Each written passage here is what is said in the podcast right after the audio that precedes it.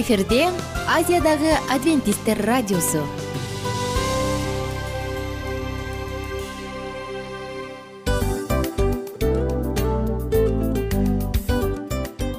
Достор салют. Баардык сүйүктүү угармандарыбызга салам айтабыз. Кутман күнүңүздөр менен. Ден соолук өмүрдүн булагы демекчи саламат саамы программасында баарыңыздарды көргөнүбүзгө абдан кубанычтабыз анда алгач амандашып өтөлү арбаңыздар деп ден соолугуңуздар кандай элибизде көбүнчө ден соолук кандай дегенде эле жакшы деп жооп беребиз э? ооруп турсак дагы жакшы дейбиз анан мен муну айтып ойлойт элем бул абдан сонун сөз депчи анткени бул жакшы деген үмүт да ооба баары жакшы болот баары сонун. Үмүттөнүп атып эле өзүбүздү өзүбүз дарылап коебуз. Анысы кандай сиздин дагы ден соолугуңуз жакшы беш деген үмүттөбүз. Чындыгында ден соолук бул өмүрдүн булагы деп бекеринен айтылган эмес деп ойлойм. Кыргыз элинде анткени эгерде ден соолук жок болсо анда адамдын жашоосунда калган баардык керектүү маңыздуу нерселер өзүнүн баалуулугун жоготуп коет. Ошондуктан ден соолук бул эң керектүү нерсе. Ооба туура айтасың кесиптешим чынында ден соолугуң жок бир эки үч күн ооруп калсаң эле кандай болуп калат? Жашоодо көз каранды болуп каласың көп нерсеге жетишпей каласың көп нерсени кыла албай каласың жада калса эшикке дүкөнгө да чыга албай каласың. Туптуура анан ден соолук болсо демек биз а, биздин бактыбыз тотой деп койсок болот. Анда достор саламат саамы рубрикабызды баштайлы. Алдыда өзүңүзгө керектүү болгон сонун кеңештерди уга аласыздар. Мына ошондуктан биз менен бирге болуңуздар. Ал эми биз болсо милан жана айнура.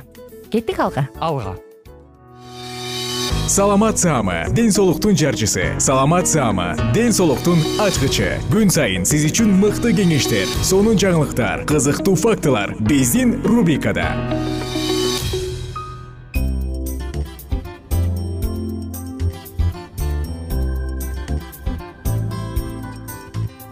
Салам достор. Эфирде саламат саама рубрикасы. Э, микрофондун алдында мен милан жана кесиптешим айнура. Сиздерге ден соолук жөнүндө бир аз бөлүшүп кеткибиз келет салам достор. Жалпы биздин сүйүктүү угармандарыбызга досторубузга жыштыкты тыңдап отургандарга бизди күтүп отургандарга ысык салам айтабыз. Бүгүн биз э, уйкунун э, темасын улантмакчыбыз. Буга чейин э, көптөгөн программаларда биз кантип укташ керек уйкунун мааниси жана уйкунун ден соолукка тийгизген таасири жөнүндө кеп кылып келгенбиз. Эми бүгүн дагы кызыктуу темаларыбыздын бири түн ичинде кандай туура эс алыш керек кандай туура укташ керек ошол жөнүндө бөлүшүп кетсек э? көбүнчө биз кандай кылабыз? Эми мага ушундай жаткан ыңгайлуу. Дейбиз дагы анан каалаган позада жатып алат эмеспизби? Бирок ал канчалык бир деңгээлде туура эмес экен. Бул тууралуу биз алдыда кененирээк айтып беребиз. Уйкусуздук темабыз дагы бир жолу кайталай кетели эгерде сиз күнүнө сегиз сааттан жети сааттан кем уктасаңыз анда бул ден соолугуңузга бара бара чоң көйгөйлөрдү алып келет дегенден кабар берет. Анан мен бир дагы сонун маалымат окугам да. Айымдар мырзаларга караганда бир саатка көп укташ керек экен анткени биз күндүз э, оокат кылып жатканда үйдө жүргөнүбүздө жумуштабы баардык учурда биздин мээбиздин эки жарым шары тең бирдей иштейт экен дагы көбүрөөк күч келет экен ошондуктан үйгө барганда колуктуңа айт бир саат эртерээк укта алтыным же бир саат кечирээк тур деп. мындай маалыматты каяктан алдың? Мен дагы бир окуп көрөйүн. Э, буюрса таап берем сага да анан бул маалымат чындыгында эле апалар көбүнчө чарчап жакшы эс албай калдым деп турат эмеспи мунун бирден бир себеби мына ушунда экен ошондуктан айымдар эгерде мени тыңдап жатсаңыздар апаларыңызды же өзүңүзбү эртерээк жатыңыздар Ооба. буга чейин дагы айтып кеткенбиз э, уюлдук э, телефондордон жана сыналгылардан айрылып э, баягы бир саат калганда жок дегенде бир саат дөшөккө жатаарда бир саат калганда баарын өчүрүп э, китеп окуп же башка балдарыңар менен үй бүлөңөр менен сүйлөшүп жатсаңар абдан жакшы. Ооба. анан дагы бир кызыктуусу окумуштуулар айтат эгерде уктаарга аз калганда мисалы үчүн ар кандай стресс абалдарга туш келип калсак мисалы э, күйөөсү аялы менен уруша кетсе таарыныша кетсе же э, кандайдыр бир көйгөйлөргө батып кетсе бул дагы жада калса эрте жаткан күнү дагы бул түшкө таасир этет экен. Ошон үчүн түшүңдө урушуп чыгасың. Э, түшүнө уруп чыгат бирок ошол ошондой э, көйгөйлөр менен уктаанынгда сенин түшүң туура эмес баягы уйку жакшы болбойт э? жемиштүү болбойт экен да уйкуң канбай калат экен баары бир анткени мээни мээни алдай албайсың да. Мээ деген ошондой ар кандай эмоциялар менен мисалы үчүн урушуп туруп таарынышып туруп жатсаң бул дагы таасир этет экен. Мен сен айтып атсаң эстеп кеттим. Биз эми көп китептерди окуп дүйнөнү кененирээк тааныганга аракет кылабыз го. Мына Ооба. анысы кандай инжил китебинде бир сонун сөз бар экен да. Күн батканча ачууңду бас депчи. Мунун бирден бир себеби балким бул биздин ден соолугубузга өзүбүзгө эле жакшы болгондуктан мындай сонун сөздөр айтылгандыр. Азыркы күндө дагы азыркы заманбап дүйнөдө дүйнөдө эки миллиондон ашык адам уйкусуздуктан жабыркайт экен. Булар баягы жетишсиз уктагандык эмес же туура эмес уктаган эмес а уйкусуздуктан жалпы элестетип көр. Уйкусуздук дагы оорулардын эң эле коркунучтуусу анткени көбүнчө уйку безинде көйгөй бар адамдар дал ушул уйкусуздуктан жабыркап келишет чындыгында бүгүн э, адамдар уйкунун э, керектүүлүгүн маанилүүлүгүн көп көп учурда анча мындай маани бербей калышкан уйку деген бул жөн эле баягы бир аз эле көздү жаап эле уктап алсам жетиштүү деп ойлойбуз. Бирок уйкунун дагы биз буга чейин айткандай өзүнүн керектүү фазалары же циклдери бар ошого да көңүл бурушубуз керек. Бирок бүгүн биз түн ичинде кандай э, позада. туура эс алышыбыз керек э, кандай позада жатыш керек. кандай жатыш керек? Эң биринчиси бул албетте биз э, мисалы үчүн бүгүн биз айрыкча биздин арабызда көбүнчө элдер э, көп ойлонбойт бирок биз биздин жастык биздин матрас шейшеп шейшеп төшөк төшөктүн баары тең бөлмөнүн температурасы э андан да маанилүү. Ооба бүгүн мисалы үчүн э, илгери андай биз ойлонуп да көргөн эмеспиз. Мындай эле журкандарды жаанып э, төшөктөрдө жатып жүрсөк. Башың тийсе эле болду. Ооба бүгүн болсо ортопедикалык түрлөрү толтура тигиндей состав мындай состав иши кылып чындыгында бүгүн ар кандай түрлөрү бар. Ошон үчүн биз албетте кээ бир учурда бул баасы бир аз кымбат болот бирок аны того стоит деп коет эмеспи доктурлар чындыгында кеңеш берет экен. Өзүңөрдүн төшөгүңөргө өзүңөр жаткан эс алган жерге акчаны аябагыла себеп дегенде жада калса силердин иммунитетиңер силердин сөөгүңөр силердин ден соолугуңар абдан көз каранды дейт жаздык жөнүндө айтып калбадымбы? Мага да аябай жакты ушул жаздык жөнүндө айтсак. Эгерде биз башыбызга жаздангандан кийин колубузду башыбыздын алдына жаздасак демек бизге жаздык жалпактык кылат экен. Эгерде жаздыкты жаздагандан кийин анын ылдыйраак сейрилип э, төп мындай төмөн жагына жатсаң босого жагына жатсаң демек жаздык сага жапыздык кылат экен. Өзүңдүн мойнуңа башыңа жараша туура бийиктиктеги жаздыкты калыңдыктагы жаздыкты тандоо маанилүү дешет андан сырткары шейшеп жөнүндө айта кетпедиңби? Эгерде шейшеп денени кычыштырган синтетикалык боло турган болсо и арзан да эми зато мен экини алып алам десеңиз анда андай шейшеп сиздин денеңизди териңизди дагы кыжырдантып анын негизинде албетте нервиңиз да кыжырданат экен. Ошондуктан шейшеп колдон келишинче баягы э, простой деп койчу эле го э илгери билесиңби Ооба. кандай экен десе простой материал жакшы материал экен хб экен депчи. Анысы кандай ушундай пахтадан жасалганбы же хббы ушундай шейшептерден болгону зарыл. Андан тышкары бул шейшеп э, шейшептердин баардыгын тең э, үч беш күндө бир алмаштыруу абдан кеңеш мындай зарыл экен себеп дегенде э, биз жаткан жерде баягы ошол жууркан төшөктүн арасында мындай ар кандай бактериялардын ар кандай бактериялардын өсүшүнө Микробтор көп, жардам э? берет экен ошон үчүн биз анын гигиенасын дагы таза карашыбыз керек экен. Чет жакта көп саякаттаган адамдар өзгөчө тажрыйбалуу болуп калган адамдар барганда шейшепти канча градус менен жуудуңар деп сурашат экен да. Анткени шейшепти биз көбүрөөк чыдайт деп муздагыраак сууга жууп койсок бул туура эмес элүү беш градустан төмөн жуулбашы керек жуулган Ооба. сайын. Андан тышкары көптөгөн оорулар бул жыныстыкка э, байланыш жыныска байланыштуу көптөгөн оорулар чейшеп аркылуу да жугат экен. Элестетип коюңуз ошондуктан бир жака саякаттап бара турган болсоңуз ал үтүктөлгөнбү жакшы жуулганбы көңүл бурганды унутпаңыз жана албетте үйдөн. Э, эсимде бала кезимде баягы чоң аталарыбыз чоң апаларыбыз чоңураак жастыктан алып кел деп жазданчу. Менин эсимде менин башым э, оорутуп салган килтейген э, төшөк дебедимби жастыктан экөөнү жа- жастанты жастанчы да. Анан э, кийинчерээк мен билдим көрсө чоң болгон жастыктар туура эмес экен. Терс таасир тийгизет экен ушун менен ооба. жыйынтык Э, чыгаралы бүгүнкү темабызга Э, жатар алдыңызда дейли э. Э, туура жаздыкты балким алдыңкы уктурууларда дагы токтоло кетербиз туура шейшепти туура жуурканды туура матрасты тандап алыңыз. Жана бөлмөңүз өтө ысык болбосун бөлмөңүз салкын болсун. Салкын бөлмөдө уктоо деги эле жаштыкты дагы узартат. Ошондуктан жаткан бөлмөңүздүн температурасына көңүл буруп коюңуз дейли. Коштошобуз сиздер менен Э. алдыңкы уктуруулардан амандашканча. Пока пока саламат саама ден соолуктун жарчысы. Саламат саама ден соолуктун ачкычы. Күн сайын сиз үчүн мыкты кеңештер сонун жаңылыктар кызыктуу фактылар биздин рубрикада. Салют замандаштар баарыңыздарга ысык салам. Дил маек программабызга кош келиңиздер дил маек рубрикасы дегенде эле бул эмне болгон дил маек? Ким менен маектешебиз деп сурайт болуш керек угармандарыбыз бул рубриканы кыскача тааныштыра кете турган болсок ар тарап кесип ээлеринен болгон сонун интервью кеңештер бар. Ооба. жылдыздар менен болгон маек бар. Аталарыбыздын агаларыбыздын чоң аталарыбыздан сонун кеңештер бар. Ошондой эле эже сиңдилердин кеңештери бар айтор. Баардык кызыктардын баары алдыда. Негизи эле адам баласы бир кимдир бирөөнө ишенип сырын ачкысы келет эмеспи э мындай баарлашууга жакын келебиз го. Албетте.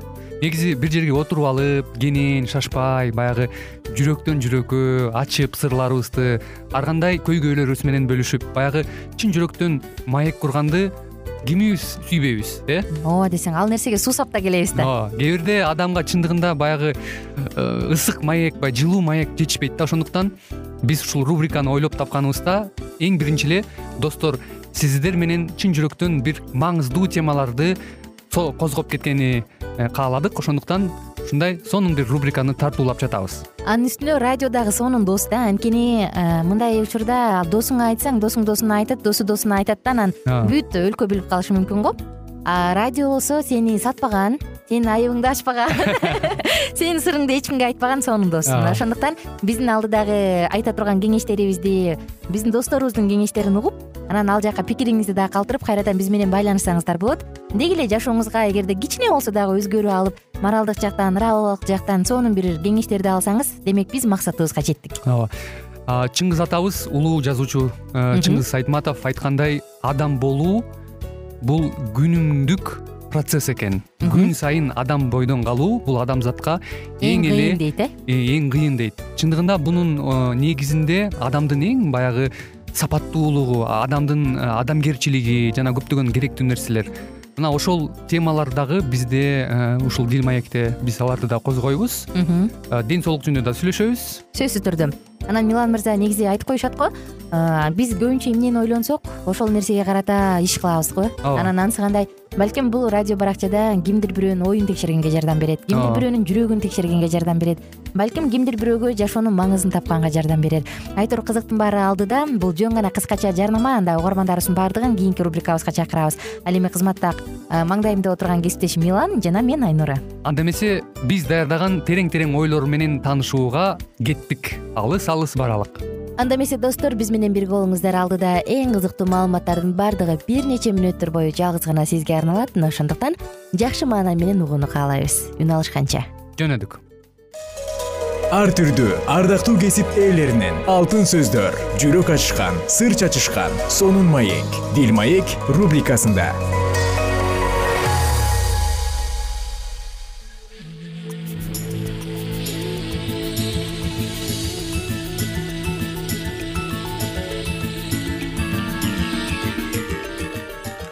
кутмандуу күнүңүздөр менен кымбаттуу радио угуучуларыбыз кайрадан эле сиздердин назарыңыздарда бактылуу никенин баалуу эрежелери аттуу берүүбүздө кездешип жатканыбызга өтө кубанычтабыз.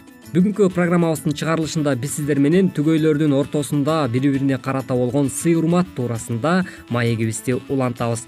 Деги эле түгөйлөр э, бир жуп болуп бир түтүн булатып үй бүлөдө жашап жаткан соң бири бирине кандай сый урмат мамилелерди кылуулары керек же болбосо бири бирине карата болгон сый урматты кантип арттыра алышат? Ушул туурасында дагы бир нече кеңештер менен сиздер менен чогуу биз талкуу кылып өтмөкчүбүз. Андыктан бүгүнкү уктуруубузда биздин одон алыстабай дал ушул мүнөттөрдө биз менен биргеликте болуңуздар.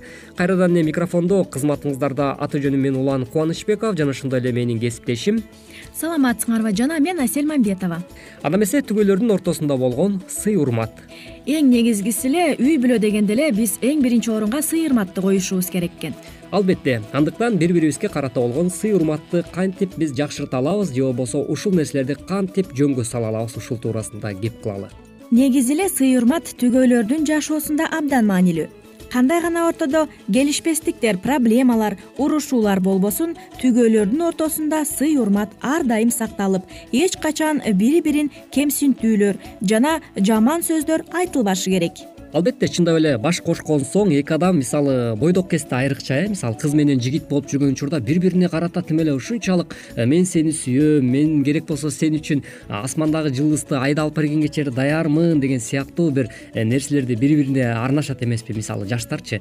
Качан үй бүлө куруп ошол бир үй бүлөдө жашап жатканда бири бирине карата болгон сый урмат мамиле эмнегедир мындай жокко эсе болуп калат да баягы ошол сүйлөшүп жүргөн учурдагы бири бирине карата берген убадалар эмнегедир? Мындай аткарылбай эле тескерисинче бири бирин жемелөө бири бирине карата болгон сый урматсыз мамилелер эмнегедир күч алып отуруп анын натыйжасында канча деген үй бүлөлөр бүгүнкү күндө ажырашууларга барып жаткандыгы дагы бүгүнкү күндө коомчулукка ачыктан айкын белгилүү эмеспи андыктан бул нерселерди жөнгө салууда сөзсүз түрдө бул сый урмат деген маселе үй бүлөдө бир негизги бир принцип болуп калыш керек экен да. Буга сен кандай дейт элең негизи эле үй бүлөдө сый багып бапестеп чоңойтуп өстүрүш керек да.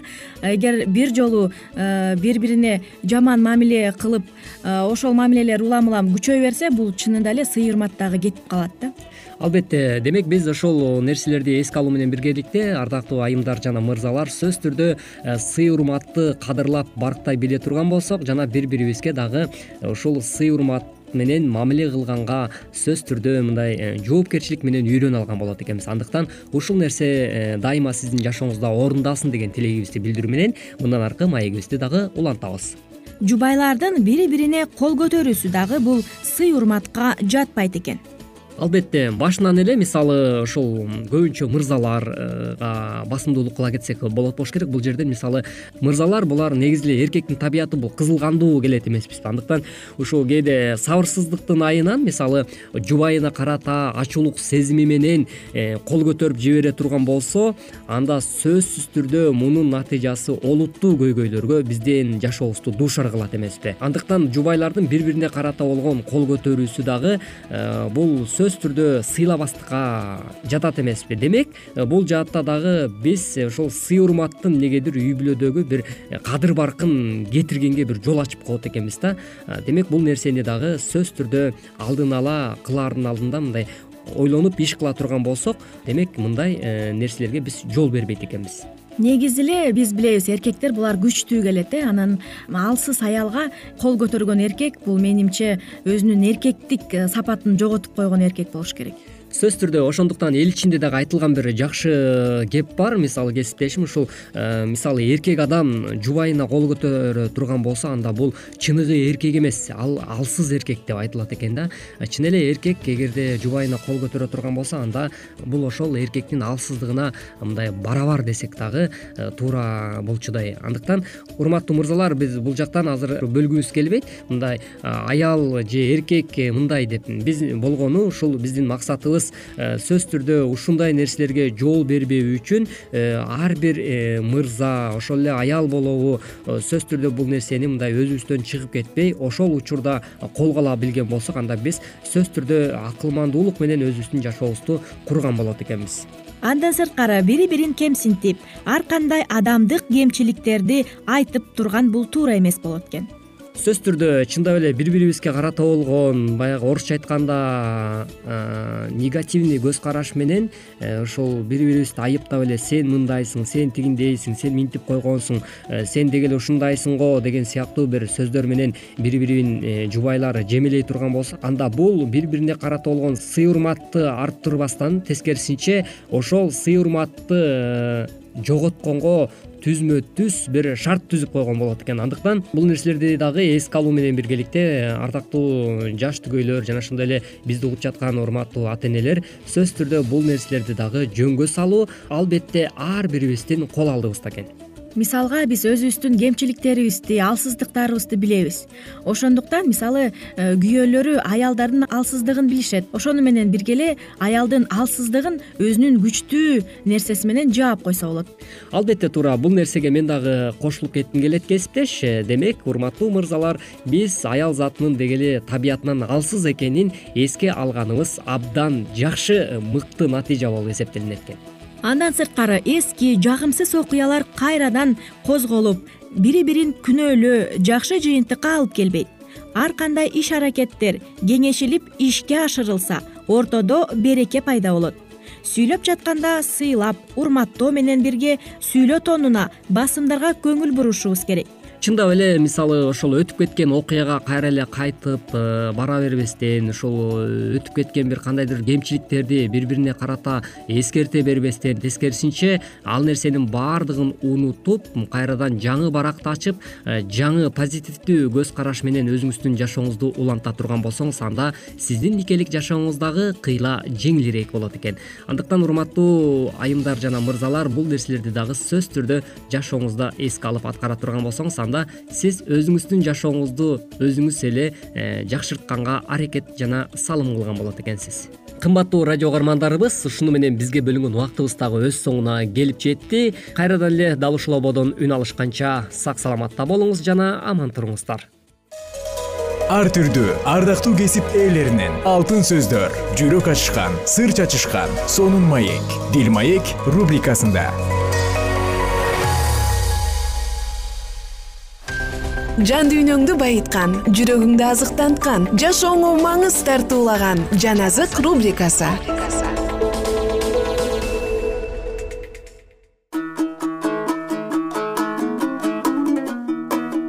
Кутмандуу күнүңүздөр менен кадырман замандаштар жалпыңыздар менен амандашып куткарылуу тарыхын андан ары андан ары дагы улантабыз.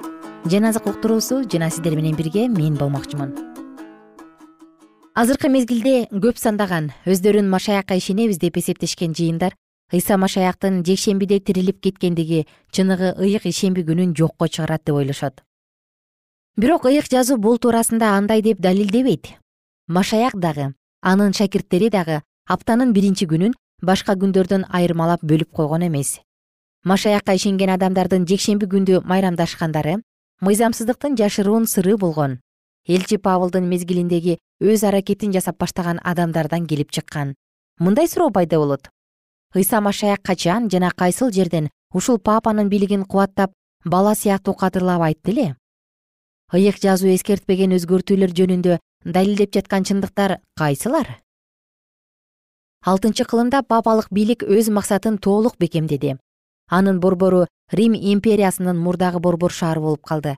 Жана рим епископу түгөл жыйындардын башчысы болуп дайындалды. Бутпарастык папалык бийликке орун берди. Ажыдаар айбанга өз күчүн жана өз тактысын жана улуу бийлигин берди.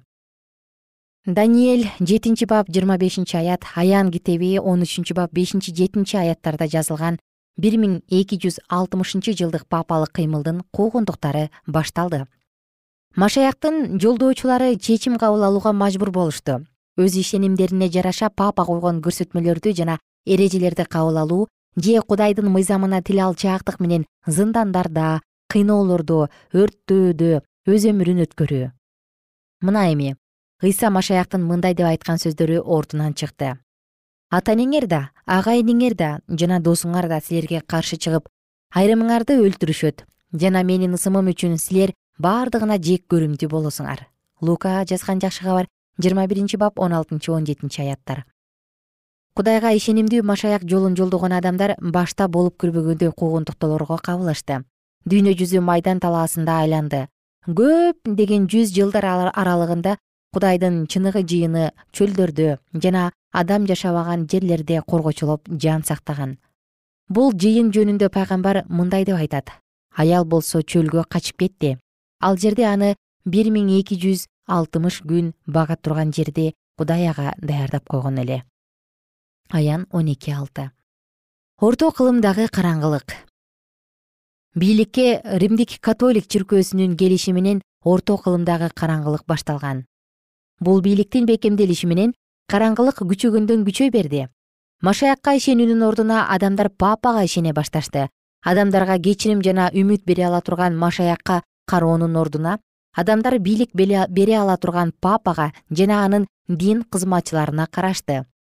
Адамдарды папа кудай менен адамдардын ортосундагы элдештирүүчү жана ансыз эч ким кудайга жакындай албайт. Жана ошондуктан папага үн катпастан баш ийүү керек деп окутушту.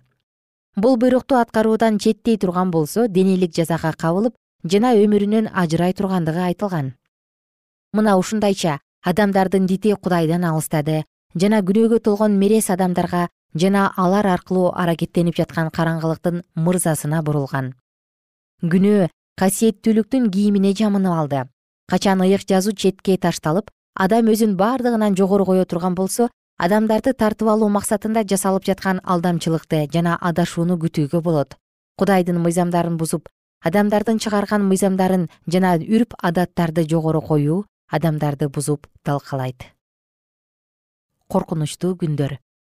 Ошол күндөр машаяктын жыйыны үчүн коркунучтуу күндөр болгон. Чындыктын туусун көтөргөн ишенимдүү адамдар канча астанда болду. Кудайдын чындыгынын күбөлөрү ар бир учурда болуп турганы менен адашуулук жана ырым жырымга ишенүүлүк ийгиликке жетишип чыныгы дин толук жок болуп кеткен сыяктанып турду. Ыйык жазуу адамдардан алынып калгандан кийин диний ырым жырымдар көбөйүп адамдар катуу талаптарга кабылып эзиле баштаган. Келген адамдарды папанын кудай менен адамдардын ортосундагы элдештирүүчү катары эле таанып билүүсүн окутушпастан бирок ар кандай эрежелерди аткаруу менен күнөөлөрдөн кечирим алыша тургандыгын дагы үйрөтүп жатышты. Эзилген көп убакыттарга созулган ажылыктар тобо келтирген күнөөкөргө карата болгон жазалар арбактарга сыйынуу чиркөөлөрдү курмандык жайларды тургузуу жыйындарга көптөгөн каражаттарды алып келүү ушулар жана башка көптөгөн нерселер адамдарга карата болгон теңирдин каарын азайтат. Жана аны берген белектер менен адам сыяктуу жоошутууга болот. Жазадан кутуласыңар деген окутуулар болгон. Акыркы кылымдарда кудайдын чындыктары римден чыккан окутуулар менен бурмалана баштады. Католик чиркөөсүнүн башчылык кыла элек мезгилинде бутпарас окумуштууларынын ойлору кудайга ишенген адамдарды кызыктырып жыйынга өз таасирин берип турган.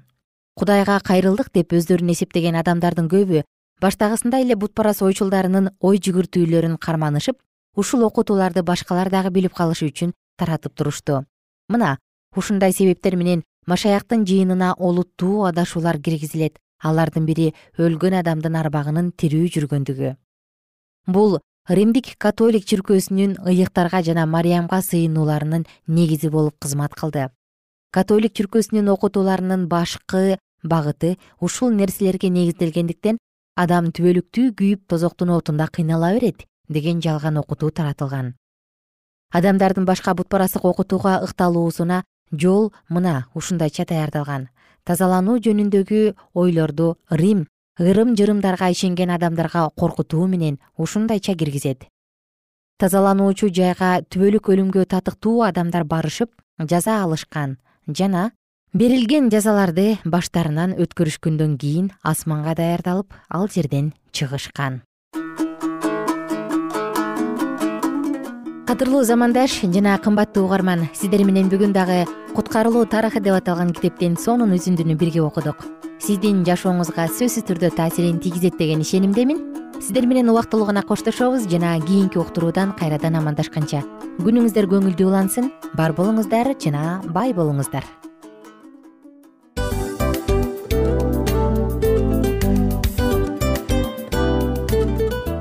мына ушинтип убакыт дагы тез өтүп кетет экен биз дагы радио уктуруубуздун аягына келип жеттик. Келип кубандырдыңар эми кетип кубандыргыла деп тамашалап калышат эмеспи анысы кандай? Радио баракчабызды программабызды азыр эле баштап аткандай болдук элек мына соңуна келдик э? Негизи убакыт э, билинбей өтүп кетет экен? Мен дагы убакыт дегенде бүгүн бир адам менен сүйлөшүп калдым. Анан убакыт бул мүмкүнчүлүк деп айтып өзүмө өзүм айтып алып анан мага өзүмө эле кайра ачылыш болду да чын эле э. Э, карап отурсаң ошол эле жыйырма төрт саат ошол эле жарым саат кайталанып атат.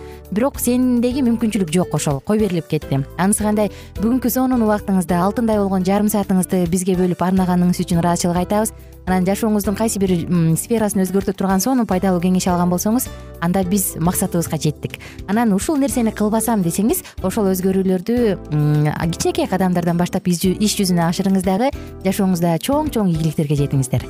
Чын жүрөктөн ар бир берилген кеңештер сөздөр сиздерге пайдасын алып келет деп ишенебиз жана кийинки уктурууларда сөзсүз түрдө чыдамсыздык менен сиздерди күтөбүз сагынычтуу салам айтып кайрадан дал ушул жыштыктан баардыгыңыздарды тосуп алганча кызматта мен айнура жана кесиптешим милан. Анда кол пул каалайбыз жалпыңыздарга ийгиликтүү күн. Саламатта калыңыздар